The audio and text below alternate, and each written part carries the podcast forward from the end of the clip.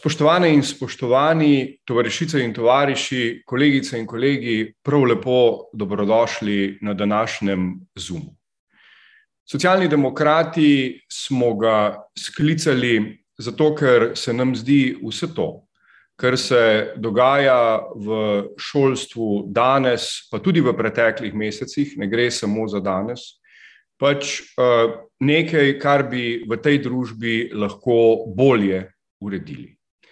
Zaradi tega smo danes povabili ljudi, ki so neposredno vpeti v šolski prostor, ljudi, ki vsak dan delajo z učenci in dijaki, zato da bi pravzaprav lahko poročali o tem, kaj se je na eni strani dogajalo danes s testiranjem, na drugi strani pa, da bi skupaj lahko iskali rešitve, kako bi vse skupaj lahko potekalo bolje.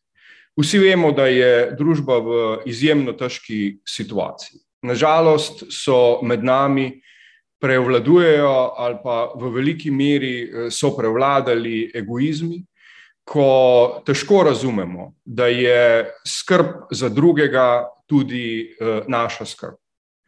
In če kje, potem se seveda to v šolskem prostoru, ki je vedno odsev vsega dogajanja v družbi, tudi zelo kaže. Zaradi tega smo, kot sem rekel, povabili ljudi, ki so vsak dan v neposrednem stiku z, z učenci, dijaki, pa tudi kolega poslanca Marka Koprivca, zaradi tega, ker on je pa tisti, ki v parlamentu vztrajno, neomajno in vedno znova opozarja na vse, na eni strani anomalije, ampak tudi na tiste drugačne, boljše rešitve, ki bi jih lahko imeli. Zato naj ta Zoom danes predvsem bo v iskanju rešitev. Naj bo, da se seznanimo s stanjem in naj se, oziroma to je ideja vsega skupaj, da se pravzaprav pogovarjamo o rešitvah, kako bi še lahko dodali, izboljšali, zato ker se pač te situacije, ki je, predobro zavedamo, vemo, kako težka je, in vemo tudi, kakšne posledice bo ta situacija imela za kasnejšo ureditev družbe.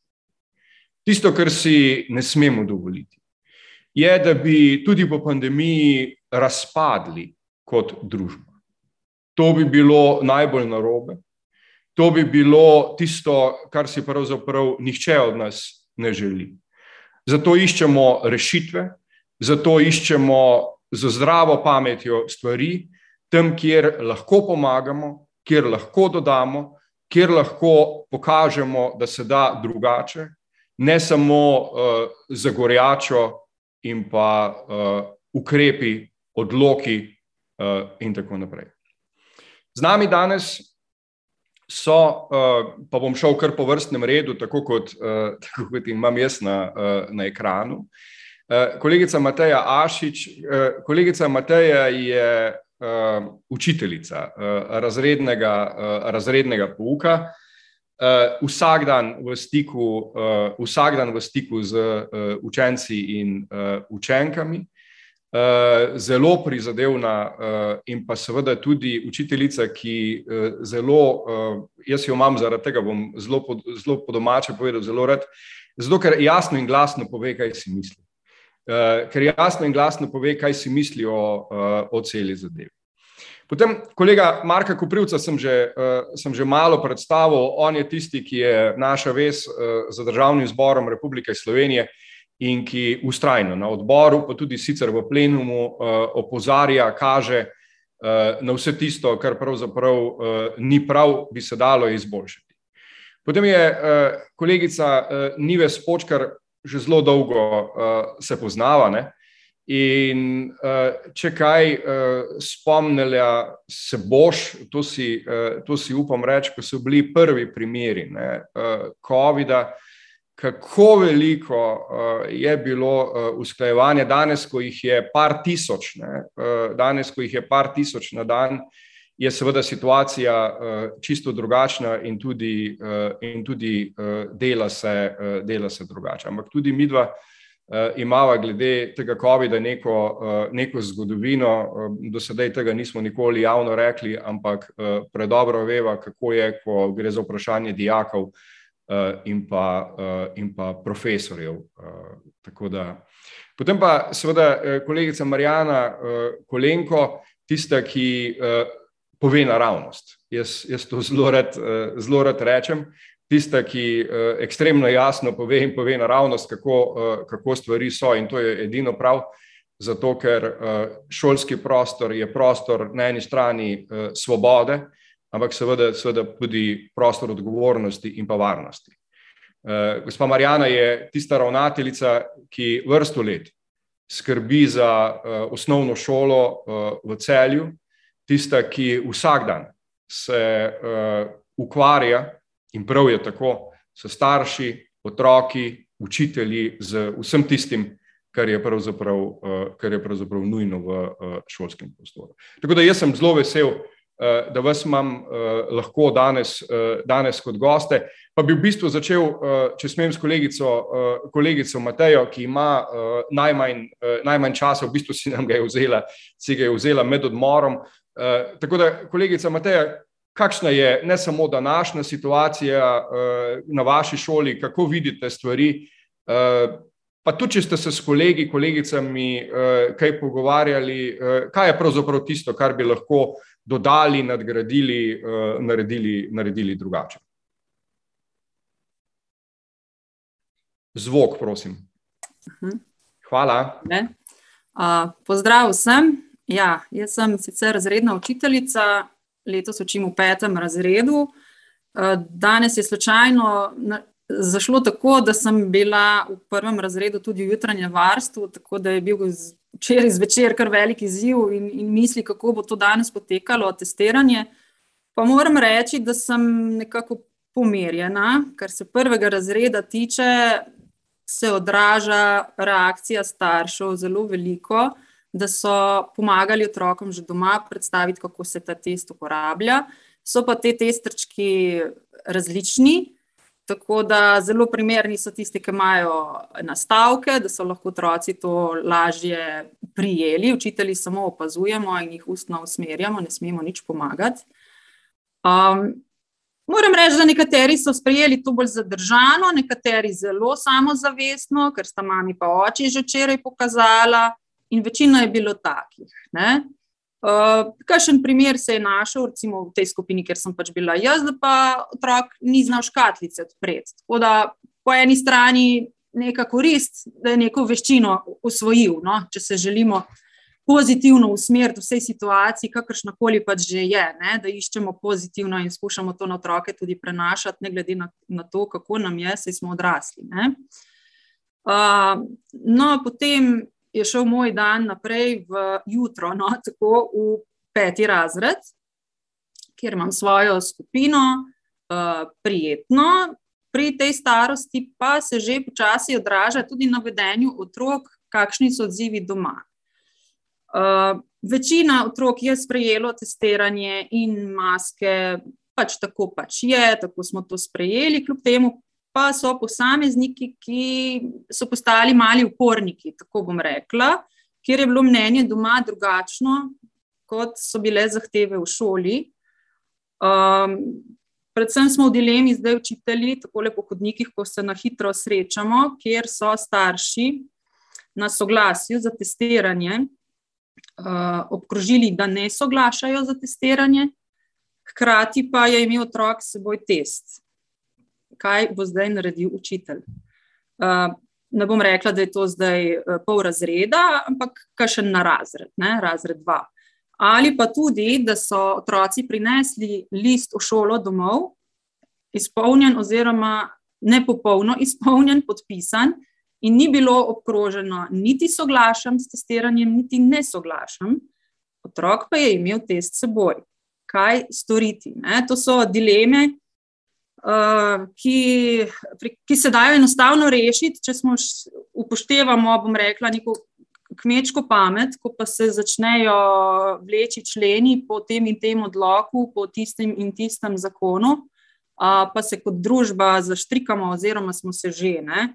kar se je tudi prej govoril. Ne. V bistvu se na nek način s tem začne, ko neka zdrava pamet popusti.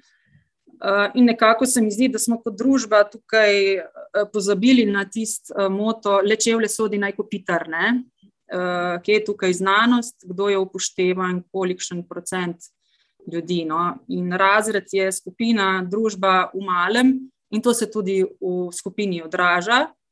Uh, moram reči, da ti otroci, ki čutijo doma nasprotovanje tem, bom rekla, uh, ukrepom v smislu uporništva, uh, to prenašajo tudi v šoli skozi neprimerno vedenje. Uh, in si potem, kot učitelj v razcepu, kako ravnati zdaj z otrokom, ali poštevati zakonodajo, ali reči, da ne, ti pa zdaj ne smeš v šolo. Tako da danes imamo en tak uvajalni dan, kako bo šlo naprej, oziroma je to informacija, bom rekla, z terena, zdaj le v razmislek, sporočilo, kaj bodo naredili. Ali smo prepuščeni sami, učitelji, ravnatelji, ne vemo, kako postopati v takih primerih. Uh, tako da to so te glavne dileme, kot učiteljica imam v bistvu zaradi tega dvojno delo. Eh, pripraviti moram za učence v spletni učilnici, ali lahko imam prenos preko Zuma, dogajanje v razredu. Pač vsak učitelj bo izbral metodo, ki mu je najbolj všeč, tako da starši, ki bodo imeli otroka doma, uh, bodo dobili različno kvalitetno gradivo ali celo gradivo samo preko Zuma, prenos pouka. To ne vemo, ni definirano, pač ostanejo doma v bistvu je prikrajšan otrok ne, samega učnega procesa, socializacije. Uh, ni to dobro za otroka. No? Uh, zdaj, če pa se bolj usmerim v doživljanje učiteljev, to je bil pač en povzetek današnjega jutra. Uh, moram reči, da delamo veliko več z večjo frekvenco. Ne, da bi rekla, da moram zdaj sedeti doma veliko več, ampak tisto, kar je na delovnem mestu. To pomeni, da če smo imeli prej učitelji na domeščanje enkrat na tri tedne, je zdaj to dvakrat ali enkrat na teden, ker kolegi manjkajo ali zaradi karantene ali zaradi prebolevanja in tako naprej. Ker so delki razdeljeni, recimo v jutranjem varstvu, uh, rabijo več učiteljev za Eh, prisotnost na delovnem mestu, se pravi, učenci se ne smejo mešati in nastane več skupin. Eh, hkrati, zdaj, recimo v prvem razredu, če bo to testiranje tako se še vleklo, bo tudi potrebna prisotnost, vsaj v prvem razredu. Na začetku mi je šlo, moram reči, ko so počasi kapljali prvošolčki v učilnico, nekako testiranje šlo. Ko se je bližalo, pa tam le 15 do 8, uh, jih je pa naenkrat prišlo pet, potem pa že težko dohajaš. Beležiti. In je prišel, in ima soglasje, kako boš odprl, kaj boš dal ven, ali boš dal smeti, da bodo pustili primeru. Verjetno peti razred lažje in na gor. Ne? Ampak to so vsa dežuranja, prisotnost učitelja na delovnem mestu, kot tam mora biti. Ne? In je tudi večja obremenitev psihofizična, kot če delaš doma za računalnikom. Poleg tega, seveda, kot sem prej omenila, pa še moramo zdaj pripraviti za nadaljavo. Uh, zdaj, kako to še na učence vpliva? Mogoče kakšen učitelj tudi med nami drugače razmišlja, ne? tudi proti, uh, bom rekla, direktivam, ki jih zastavlja ministrstvo. Tako da včasih tudi med nami zašumlja in, in kaj, kakšna osebna stališča, ampak zavedamo se, da moramo ravnati tako, kot so navodila, kot je pristopil delodajalec in enotno ne, pred otroki. Tako da nekateri imajo v sebi, moram reči, tudi neke eh, precepe, dileme, stiske. In verjetno ravnatelji imajo zaradi tega, boste kolegici, če se boste dotaknili naprej, mogoče tudi kakšno besedo za reči. Uh, V samem razredu je tako, da otroci odhajajo tudi v karanteno, nekateri prebolevajo, in ko si zastaviš, da boš recimo ocenjeval, se ti ta plan, načrt podre, ne? ker jih nekaj manjka. potem moraš tega otroka posebej vprašati, in to je vse moteče za zaučni proces, če bi ga mi želeli imeti idealnega. Ne. To zdaj že dolgo ni idealno, in seveda na, skušamo biti čim bolj optimalni, to se ve, uh, ampak kljub temu želim to povedati, ker tisti, ki niso v tem, mogoče to ne vejo. Ne. Uh, ocenjevanje pač mora biti, znanje mora biti nekako uvrednoteno, v tistem času mora biti mir v razredu. Uh, seveda, če se to predstavlja, moraš otroka ustno posebej vprašati, če ni bil pisno. In uh, med tem časom nisi ti več usmerjevalec pouka ostalih otrok, ampak si ocenjevalec. In to ocenjevanje se vleče in vleče, dokler končno ne razvrstiš tistih 25 ali celo več učencev, ki jih je. Mogoče se to ne zazna na šolah, ker je manj otrok v učilnici, ampak v številčnejših razredih je, je tako in si obremenjen, kako boš ocenjeval. Hkrati kot avtoriteta, da si objektiven, po drugi strani pa vseh teh stiskah otrok, ki jih imajo, naj bi bil senzibilen za vse te njihove čustvene stiske, ki jih imajo nekateri zaradi zaposlitve staršev, zaradi COVID-a, zaradi strahov, dilem, vsega tega, kar ste Jrnej že prej opisal. Uh, tako da na nek način zaradi teh ocenjevanj je nek pritisk na nas, učitelje, učitelje, in kar se sprašujemo, aha, si ocenjeval, si ocenjevala, jaz bom takrat in takrat ne, takrat ne moremo. Tako, tako da v to smer je treba tudi razmisliti. Jaz mislim, da če bi Zavod za šolstvo že včeraj kaj tu povedal o tem, da bi bilo že pozno. Uh, učni načrti, bom rekla, tako, lani je bil nek poseg, ampak še vedno je to za dane razmere preveč obširno. Uh, recimo, kot učiteljica petega razreda, kaj bi jaz pričakovala? Lanski popravki so, ali pa če niso, zelo na široko spet napisano. Peti razred, da je meni uporabno štiri strani, se pravi dva lista, za vse predmete, dovolj.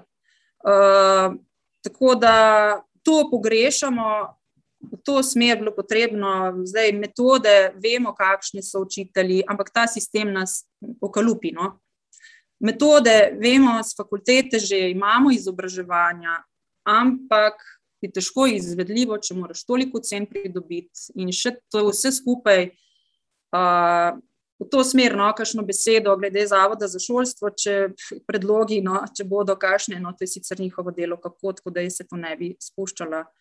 Uh, veliko je govora o tem, da učitelji metod ne poznamo. Jaz mislim, da je o metodah bilo toliko že z nastopom devetletke, ampak sistem je tak, ki učitelja ukaluplja. Edino, kar bi bilo potrebno na področju računalniškega pismenjevanja, drugo je, mislim, da ima v rokah vse ravnatelj, kako učitelj uči, kakšne metode ima, pristope. In z tega vidika se mi zdi, da je prav, da je ravnatelj strokovna oseba in izvoljen strani stroke, ne politike. Tako da jaz bi to svoje zaključila še enkrat stavkom: lečev le sodi naj kopiter. Uh, in en tak vtis od danes, in sicer na splošno. Hvala lepa. Jaz se uh, izjemno zahvaljujem. Uh, jaz bom tudi uh, razumel in seveda tudi, uh, tudi ostali, da če boste nas vmes uh, morali zapustiti, da, pač, uh, da, imate delo, uh, da imate delo naprej. Tako da res najlepša, uh, najlepša hvala za to poročilo. Gospod Marijana, lahko vi uh, malo nadaljujete, ker se mi je zdelo, da zdaj, če smo v osnovnih šolah. Kakšna je vaša izkušnja, kaj se pri vas, kaj se pri vas dogaja, kako stvari tečejo? Pa ne mogoče sem danes, ampak uh, mogoče lahko malo reflektiramo uh, za par mesecev tudi nazaj. No? Odlično, hvala lepa. E, torej, kolegici Mateji, hvala za ta izhodišča. E, praktično bom nadaljevala tam, kjer je končala. E, torej, takole, zadnji dve leti, nenavadni leti, sta res v šolski prostor unesli posebne specifike, posebne pogoje, na katere v prvem valu nismo bili pripravljeni, ampak potem smo pa seveda, če rečemo s tem šolskim letom, eh, pridobili priložnost, da bi lahko vse tiste pomanjkljivosti, kar smo ugotavljali v preteklih mesecih izobraževanja nadaljavo in kombinacije dela v šoli, eh, tudi popravili in vsaj delno odpravili. Eh, zdaj, seveda, prigarali smo v osnovnih šolah tudi, mislim, da kar nekaj res takih eh, sivih lis, če lahko rečemo, tako na eni strani pri učencih, kjer se zagotovo dotikamo tako znanja, na drugi strani lahko rečemo tudi na vzgojnem področju, se nam stvari kažejo, da je bistveno več, torej tudi agresivnosti, stisk, ki jih otroci izražajo v šolskem prostoru, in seveda na tretji strani so tudi pričakovanja staršev, ki pa so pod tem pritiskom, da morajo učenci toliko obvladati, kolikor so obvladali takrat, ko so bile razmere popolnoma normalne. Seveda, kaj je tisto naslednje, kar želim izpostaviti iz tega mesta? mi smo se v tem času, lahko rečemo, znašli kar največkrat sami. Pričakovali smo bistveno večjo podporo ministrstva, konsistentno podporo, tudi prej, ko je kolegica omenjala Zavoda za šolstvo, in predvsem tistih inštitucij, ki šolo podpirajo. Ali na strokovnem področju ali pa, kot rečemo, na teh področjih, kjer tudi mi potrebujemo kdaj ali področje izobraževanja, torej novih vsebin v izobraževanju, ki so zelo pomembna, tam, kjer čutimo posledice, glede na to, da se tega v preteklih letih niso ne učitelji pa tudi ne ravnatelji tega učili. To je stvar, ki se mi zdi, da je to tudi ena priložnost za prihodnost, jaz bom priložnosti kar sproti tudi nizala, ki jih največ vidimo. Seveda zdaj novo šolsko leto nas je postavilo v popolnoma spet nove okoliščine, ki jih pač seveda zaradi situacije covida tudi spoštujemo. Torej delovanje v mehurčkih, kar pomeni, da je težje izvajati predvsem ta nadstandardni del programa, ki pa je za otroke bogatitveni program. To izpostavljam, ker je izjemno pomembno, da šola ni samo prostor, kjer se otroci učijo pri posameznih predmetih, ampak so tudi številne bogatitvene dejavnosti, kot je, vem, šola v naravi, ko so različni tečaji, ki jih ponujamo otrokom, in katerih zadnji dve leti praktično nismo izvajali in so generacije, ki so zdaj ostale brez tega. Pomeni, da je tudi ta vidik v tem trenutku lahko naša prihodnost, da bi toliko umaknili vsebin iz učnih načrtov, da bi naredili prostor za te generacije, to šolsko leto in naslednja šolska leta. To se mi zdi izjemno pomembno vedeti in da otroci to preprosto potrebujejo, ker ravno v tem bogatitvenem programu tudi razvijajo kompetence, ki jih sicer pri samem pouku ne morejo. Namreč ko sem se prej, poslušala kolegico in se je dotikala tudi raznih kompetenc in pa seveda, ne, pismenosti, jaz bi predvsem poudarek dala na pismenosti. Ni samo jezikovna pismenost tista, digitalna pismenost, ki jo moramo drugače in celostno obravnavati in pristopiti v prihodnosti k njej. Kaj res pomeni, ne, digitalna pismenost za učitelja, kaj pomeni za otroke, kaj lahko v prvem razredu, kaj lahko v devetem razredu, kaj pomeni digitalna pismenost za ravnatelja in tudi za starše, če hočete. Tako da to se mi zdi, da je področje, ki nam mora predstavljati našo prihodnost. Potem tudi govorim o državljanski pismenosti. zdaj se nam je to najlepše pokazalo, da, ravno to, kar ste Jernej prej rekel v uvodu, to, da je sočutje padlo, da je narastel egoizem, da je narastel individualizem, to nam kaže tudi na to, da smo državljanski pismenosti dejansko dali premalo poudarka v preteklih letih, predvsem pa bi upala reči tudi človekoljubnosti. Namreč takrat, ko imamo vse to pred nami, in to je tudi, mislim, da eden izmed pomembnih ciljev socialne demokracije, da človek mora biti človek, da je seveda še vedno solidaren, da je še vedno, ko sem rekla, človekoljuben, in to smo zanemarili v preteklih letih, kajti usmerjalo se je praktično na doseganje ciljev posameznih predmetov, manj pa na ta področja osebnosti, ki so pa prav tako pomembna in bi jih lahko z državljansko pismenostjo tudi, verjetno dobro, pokrili. Potem seveda, če se dotaknem učnih načrtov. Učni načrti, ki smo jih pričakovali, da se bodo spremenili zdaj po tem času, skoraj dvoletnega okrnjenega načina dela, kakorkoli obračamo, to je drugačno delo, smo pričakovali, da bo tukaj res Zavod za šolstvo, pa verjetno v povezavi s fakultetami, da bi staknili glave in res rekli, kaj je tisto, čemur se lahko odrečemo v tem trenutku in za katere vsebine in kompetence naredimo prostor v novih učnih načrtih. To se še ni zgodilo, kar pomeni, da bi bilo nujno potrebno, da res celostno pristopimo k temu, od praktikov do stroke. Ampak to seveda fakultetne stroke, vse je pomembno. In pa ta vertikala, ki bi jo morali vzpostaviti, v kateri leta in leta že tudi govorimo.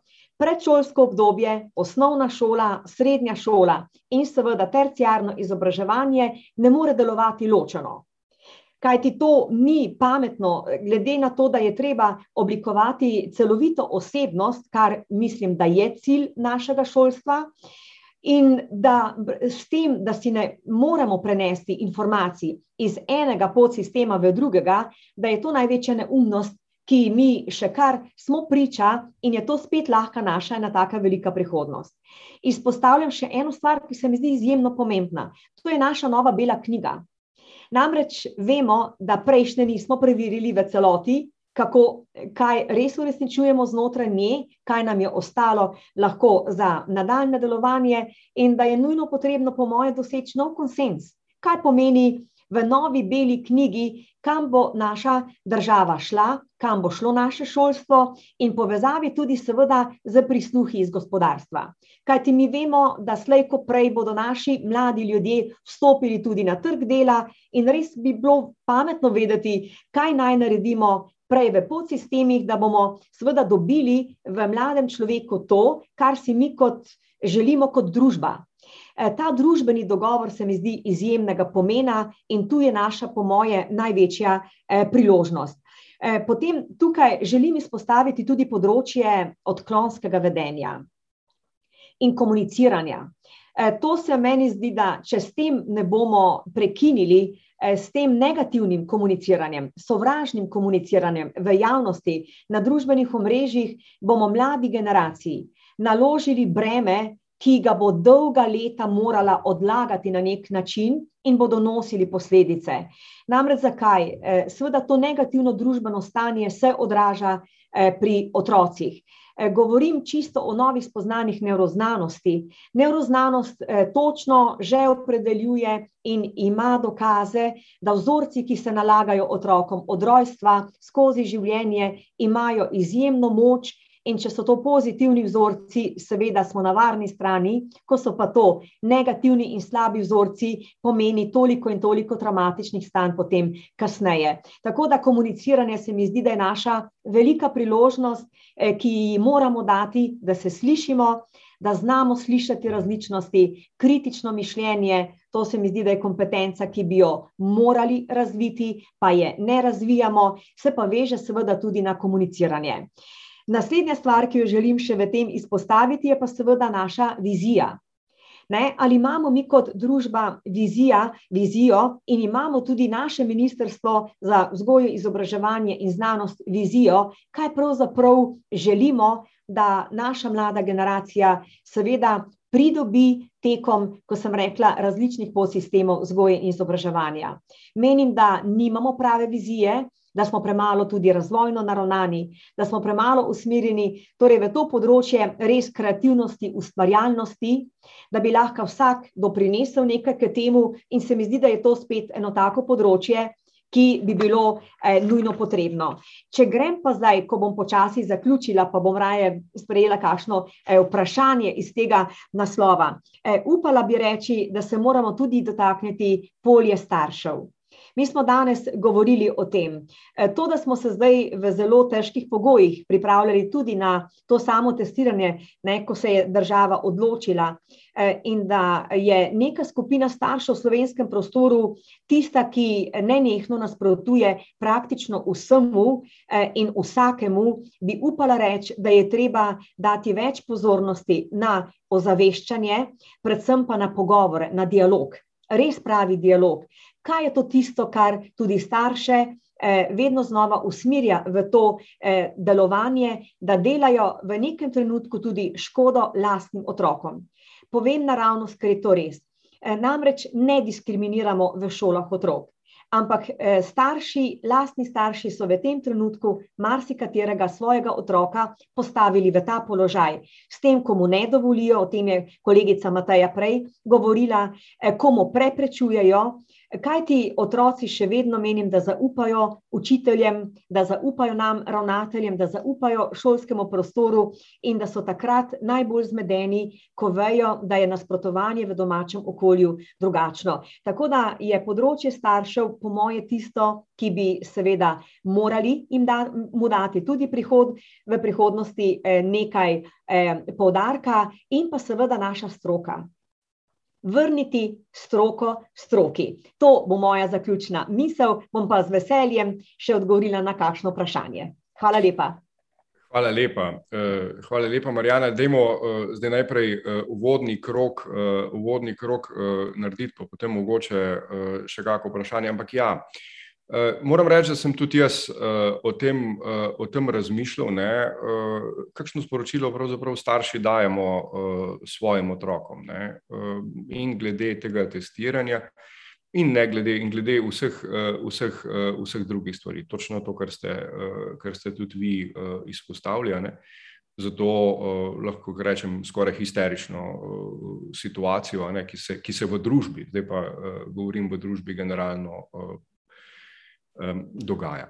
Ampak, uh, kolegica Nives, uh, kakšne so pa vaše izkušnje? Uh, kaj se je kaj pri vas uh, dogajalo, kaj se dogaja, kako, uh, kako stvari pri vas gredo? Vi imate nekoliko starejše. Uh, nekatere, seveda, polnoletne, uh, tam je zadeva nekoliko drugačna, ampak pa tudi, verjetno, na eni strani uh, lažje, glede uh, vseh teh testiranj. Uh, ne vem, kakšna je vaša izkušnja? Okay, lep pozdrav vsem skupaj. Jaz bom um, nadaljevala pri starših, zato ker imamo tudi osnovno šolo, na Evropsko imamo osnovno. Ampak meni se zdi, uh, da vsakega starša, ki ima pomisleke, uh, ne razmisli, kakšno škodo dela svojemu otroku. Ne? Zakaj ga on prikrajša v tem momentu? Zdaj bomo govorili o, naprimer, 18-letniku. Mi imamo uh, 1537 dijakov, 121 učencev osnovne šole, trije starši so mi napisali pismo in žal. Eh, dva od tega dijaka sta polnoletna. In si mislite, kaj si lahko mislim, ko mama za 18-letnika napiše, eh, karkoli že napiše. Ne. Starši so seveda v sistemu osnovne šole, to upam, da so odgovornosti tudi prišli predaleč. S to civilno inicijativo in odprimo šole in ne vem kaj, eh, je stroka zgubila svoj pomen v teh.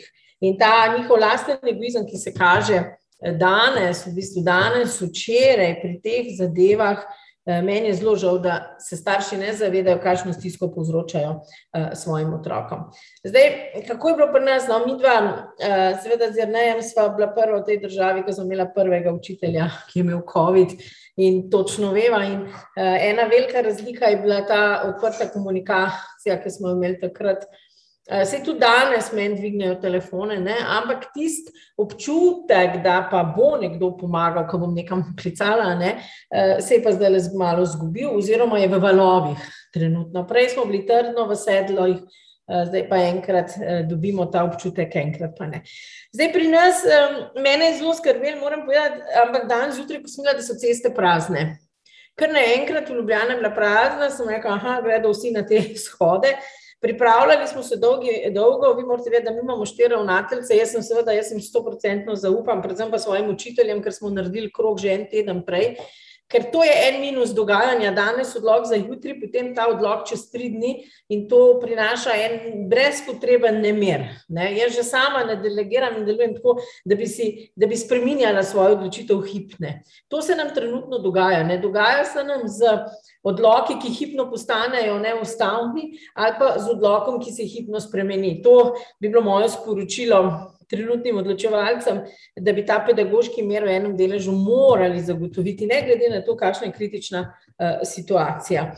Um, pri nas je bilo zelo mirno, jaz sem šla po razredih, se dijakom in učiteljem zahvalila, nismo imeli nobenih težav. Uh, do momenta, ko smo imeli tri pozitivne, in sem jaz vse tri želela naročiti na PCR test, no, tle so pa linije padle. Eh, poklicala sem našo direktorico, ki je takoj mi sporočila, da zdravstveni dom Ljubljana se upravičuje, da je bilo preveč navala. Eh, no, tako da smo našli rešitev. Zanimivo, imela sem točno tri različne situacije. Dijaka, ki je v dijaškem domu, ki je bil malo negotov, in starša, ki je bil zelo uh, pripravljen sodelovati in je takoj prišel po otroka. Ne. Tako da za tistega smo malo mi več poskrbeli. Tako da sem videla, uh, da starši so razumni.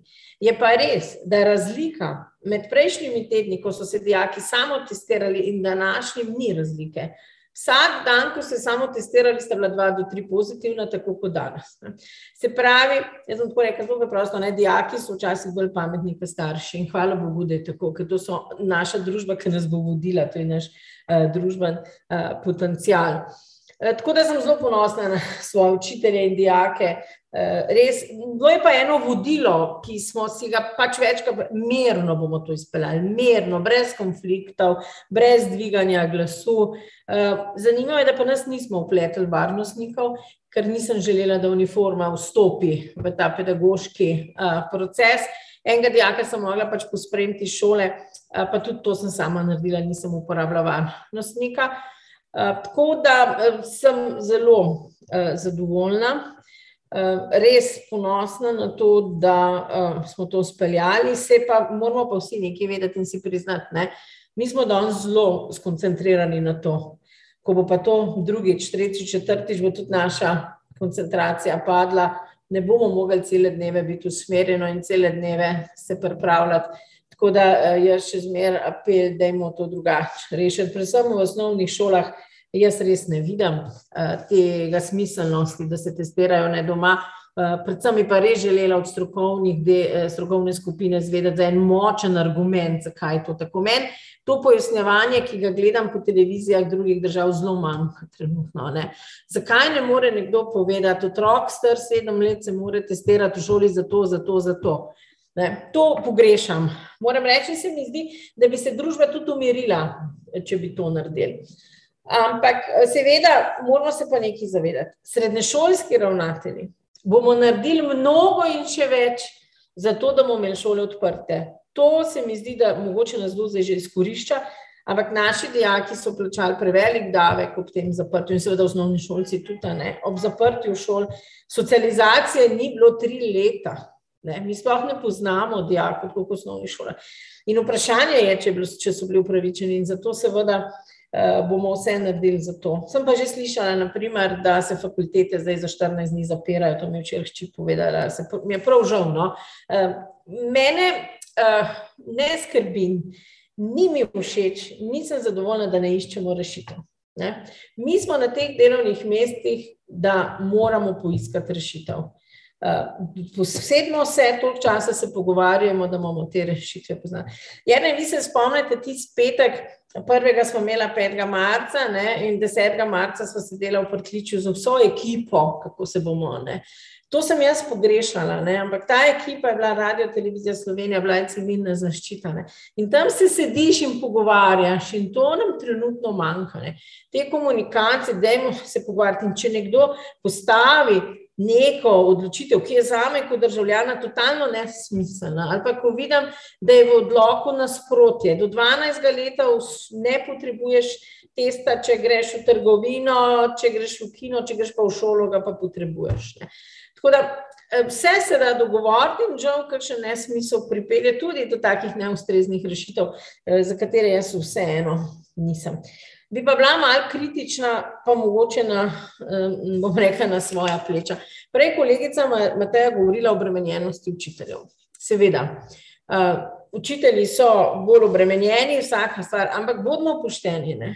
V letošnjem šolskem kalendarju imajo učitelji od jesenskih počitnic pa do konca maja 15 dni za noter prnest. 15 dni, toliko še ni bilo 21 let, odkar jaz vodim ta šolski center. Torej, pameten ravnatelj se bo usedel z učitelji, bo rekel: imamo na enakomeren čas, dajmo zdaj iztisniti, junija boste pa doma. Ne pa, da imamo ravnatelje, ki želijo, da učitelji po 8 ur sedijo junija in julija v šoli. Ne. Tu uh, se mi zdi pa, da bi mogli sami sebe pogledati in si reči, da imamo tudi mi malo zdrave pameti um, upoštevati in jo seveda. Uh, tudi uporabiti. Kolegica Mateja je še govorila o, cenu, o številu cen. Meni je zelo žal, da učitelji, pa tudi moji, niso nobena izjema, niso izkoristili možnosti ene ocene v prejšnjem šolskem letu. Ne, ministrica je dala ta sklep. Um, zato se mi zdi, da premalo delamo na učiteljih pri njihovi samozavesti, da ni vse samo ocenjevanje. Ne. In vprašanje je, če fakulteta dajo to samo zavest. Vse veste, mlad učitelj bo imel delovni zvezek, pa tisto število ocen bo naštimo. Ne? Sami vemo, da ko pa si že nekaj časa v sistemu, boš pa imel odprto učno uro ali pa kakšno drugo povezovanje. In to ne bi smeli spustiti. Ne? Učitelji so imeli možnost manj ocenjevati. Jaz sem se zgrozila, ko sem slišala šesti razred, da je učiteljica vprašala vseh 16 pesmic, ki bi jih mogel on znati prej. Mislim, tu se mi zdi pa, da je tudi odsotnost neke profesionalnosti. In če sami ne bomo imeli profesionalizma in če ne bomo imeli profesionalne distance ali do staršev ali do drugih deležnikov, pa se nam slabo piše. In se mi zdi, da to, kar je družba v Sloveniji in v Evropi videla, kako so učitelji pomembni, smo s tem množičnim ocenjevanjem maja in junija vse podarili. Spet smo izgubili to možnost. Učiteljski poklic je zelo, zelo pomemben. Je pa res nekaj, da starši nimajo noter kaj početi. Eh, ko starš pride, mora učitelj s svojim profesionalizmom ali pa ravnatelj to stvar odpeljati. Sej tudi, če gredo k zobozdravniku, ne vprašajo, s katerim svedrom mu je vrtal, pa zdaj le se širi ena lepa spodoba, zakaj menjamo zimske gume, ne? zakaj se ne pritožujemo nad tem. Uh, sami smo si krivi, sami bomo mogli najti pot iz tega. In um, v nadaljevanju, ne glede na to, kdo bo vozil naš resor naprej, se mi zdi, da bo pameten odločevalec najprej vprašal ravnatelje in učitelje, kaj smo se naučili, kaj lahko storimo in predvsem, kako naše otroke in dijake spet motiviramo, uh, da bodo noter in se znebimo tega navlake v učnih načrtih, kot je Marjana rekla. Ne. Mi leta in leta govorimo o tem, pa ni še nič. V Ljubljani smo imeli en tak dober primer po vzoru uh, Marijane, da se je ena osnovna šola združila z gimnazijo, učitelji in so pogledali, kaj lahko spustimo ven, kaj ne. To bi mogel biti v bistvu primer dobre prakse, ker bi ga mogli čisto vsi usvojiti. Tako, zdaj vidim, da imamo še tri minute, jaz vam že pred vrati ljudmi. Skratka, iščemo rešitve, lečevle sodi na kupitar, se absolutno strinjam z učiteljico, In ne glede na to, na kateri sceni odgovorimo, ali pa govorimo, bodimo profesionalizmi, ni važno, kam se človek opredeljuje. To meni manjka, ne? meni ni važno, s kom govorim. Hočem pa, da je to profesionalno, strokovno in seveda v dobro biti vseh naših otrok. Vse zato smo vse zadnje tukaj. Hvala, Jrne, za povabilo, z veseljem še drugič. 15, čez 3 minute. Moji učitelji so že pred vrati, se vidi, da so točni. To razumem. Hvala lepa. Ja. Čisto razumem in seveda najlepša hvala Nives uh, za vse nazaj, pa, uh, ja. pa, seveda, uh, pa seveda tudi za, uh, tudi za danes.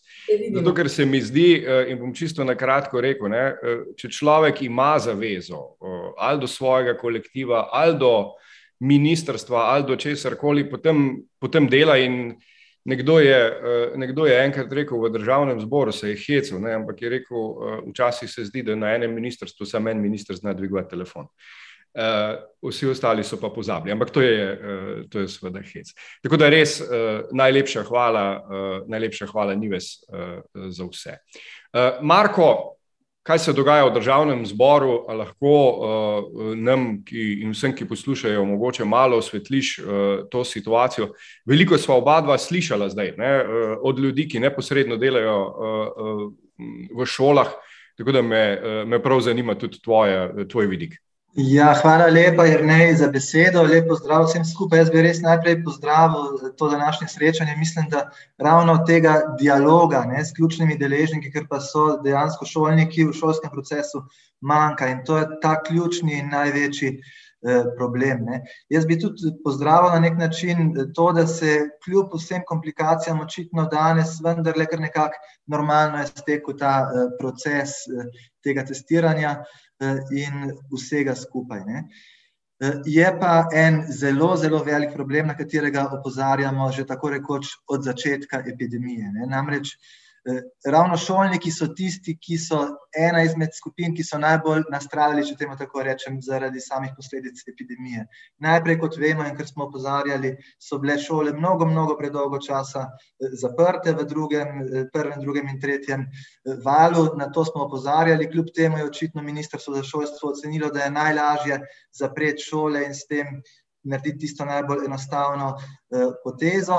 Eh, potem je bilo veliko časa, da bi se pač prilagodilo eh, celoten šolski proces novim okoliščinam, pa je tukaj ministrstvo dobilo dobesedno cvek, če se temu po šolsko izrazim. In tudi zdaj v zadnjih dneh smo bili dejansko priče temu, da ko ste šolniki in tudi starši, konec koncev, najbolj potrebovali ministrico za izobraževanje, za jasna navodila, kako postopati glede novih odlokov, glede samotestiranja in predvsem glede tega, da šolski proces nekako teče normalno in čim bolj dolgo časa, kljub zaostrenim epidemiološkim razmeram. Ministrice tako rekoč ni bilo.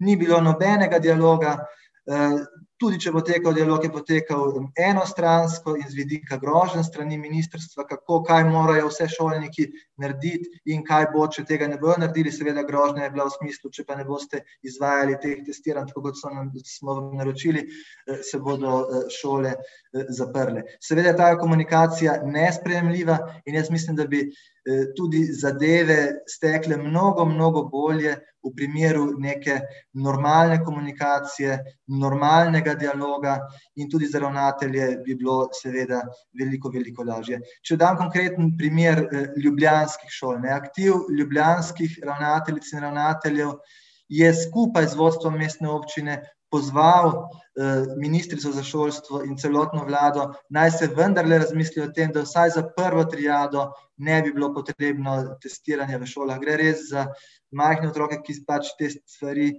težko počenjajo sami, ne.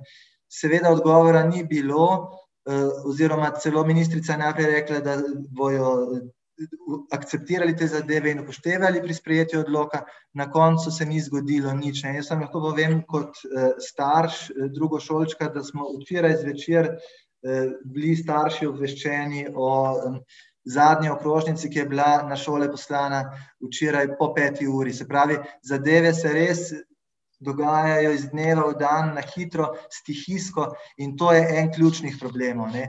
In zaradi tega jaz mislim, da so ravnatelji v zelo, zelo težki situaciji, zaradi tega tudi starši po domače izgubljajo živce, s tem da bi tukaj potrdil mnenje, bi se pridružil mnenju pač naših sogovornic današnjih, da dejansko pozivam starše, da so strpni, da poslušajo navodila, predvsem strani šol, ravnateljev, in da ne postavljajo zaradi nekih svojih trmarjenj, bom temu rekel, ravno otrok v neroden položaj, ne. Je pa dejstvo, ne, vsi stojimo za tem, vsi se trudimo, da bi šolski proces tekel čim bolj normalno, da se šole ne bi zaprle, da bi pomagali ravnateljem, ampak tukaj je pa glavna na potezi ministrica, ne, in ministrica svojega dela dobesedno ne opravlja.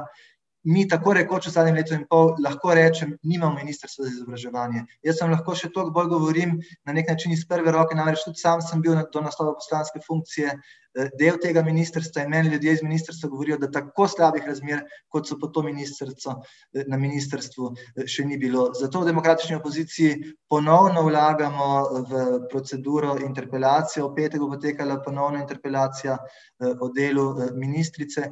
Imamo kup argumentov, zakaj ministrica ne more več opravljati svojega dela, ampak eden ključnih je pa ta, ko so tudi kolegice prej izpostavljale, skratka, popolna odsotnost ministrice, popolna odsotnost dialoga in ravnatelji so pri zelo, zelo pomembnih stvareh prepuščeni dobesedno sami sebi. Na drugi strani ja ministrica izpolnjuje naloge vodje Janeza Janše, klientelizem, korupcijo in tako naprej se izvaja, ker je pač ena izmed ključnih značilnosti te vlade, ampak ne tega delati na plečih naših otrok in na plečih javnega šolstva. Toliko zaenkrat, ne bi bil predolg, vidim, da smo časovno že omejeni, in še enkrat res čestitke in podpora vsem šolnikom in šolnicam, ki v teh res težkih razmerah kljub slabi podpori ministrstva odlično stvari vodijo.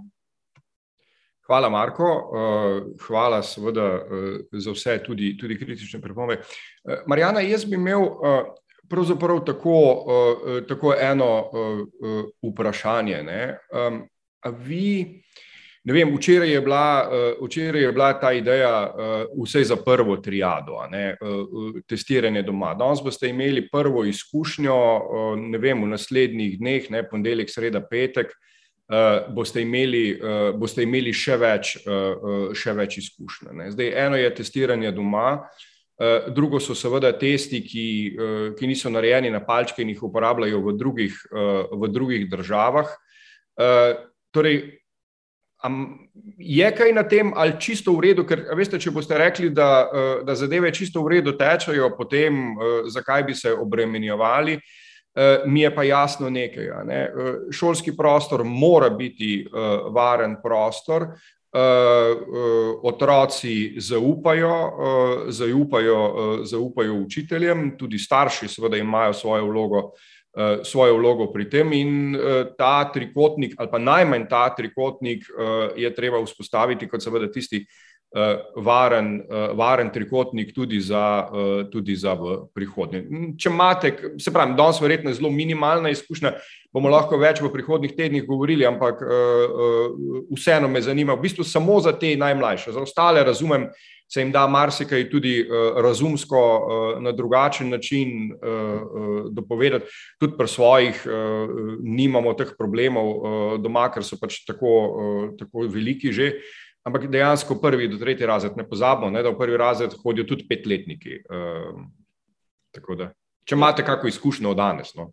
Je, eh, zagotovo. Mi smo se danes potrudili, da smo seveda z otroki, ki so prišli v šolo, izvedli samo testiranje pa vendar še vedno ustrajamo na tem, da do ministrstva, ker to je bilo včeraj jasno in tudi ponovno povedano in napisano, da morajo odpreti to področje, torej tudi do vlade.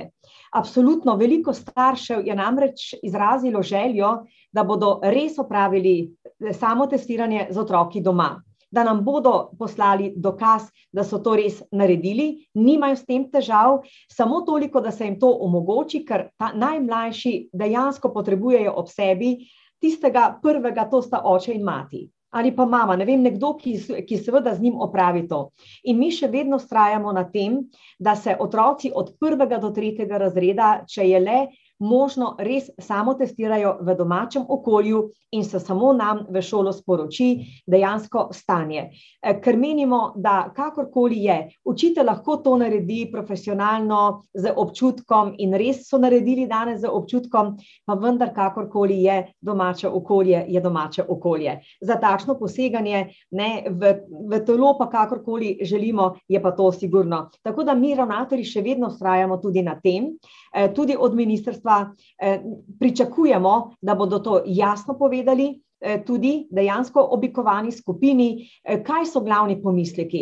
Ne, seveda, če bodo rekli, da mora to ostati, bo ostalo in se bomo mi trudili naprej, si pa želimo te spremembe. Pa mogoče zdaj, ko sem že pri besedi, zagotovo je tudi izjemno pomembno, da se nam da za enkrat, da se nam ponudi mir v šolskem polju. Veste, mi smo tako pod temi res dnevnimi in urnimi spremembami in pritiski, da praktično se mi ne pogovarjamo več o ničemer drugem kot o tem, kako bomo spoštovali okrepe, kdaj smo na tankem ledu, ko se reče, kdaj smo kje v kakem prekršku.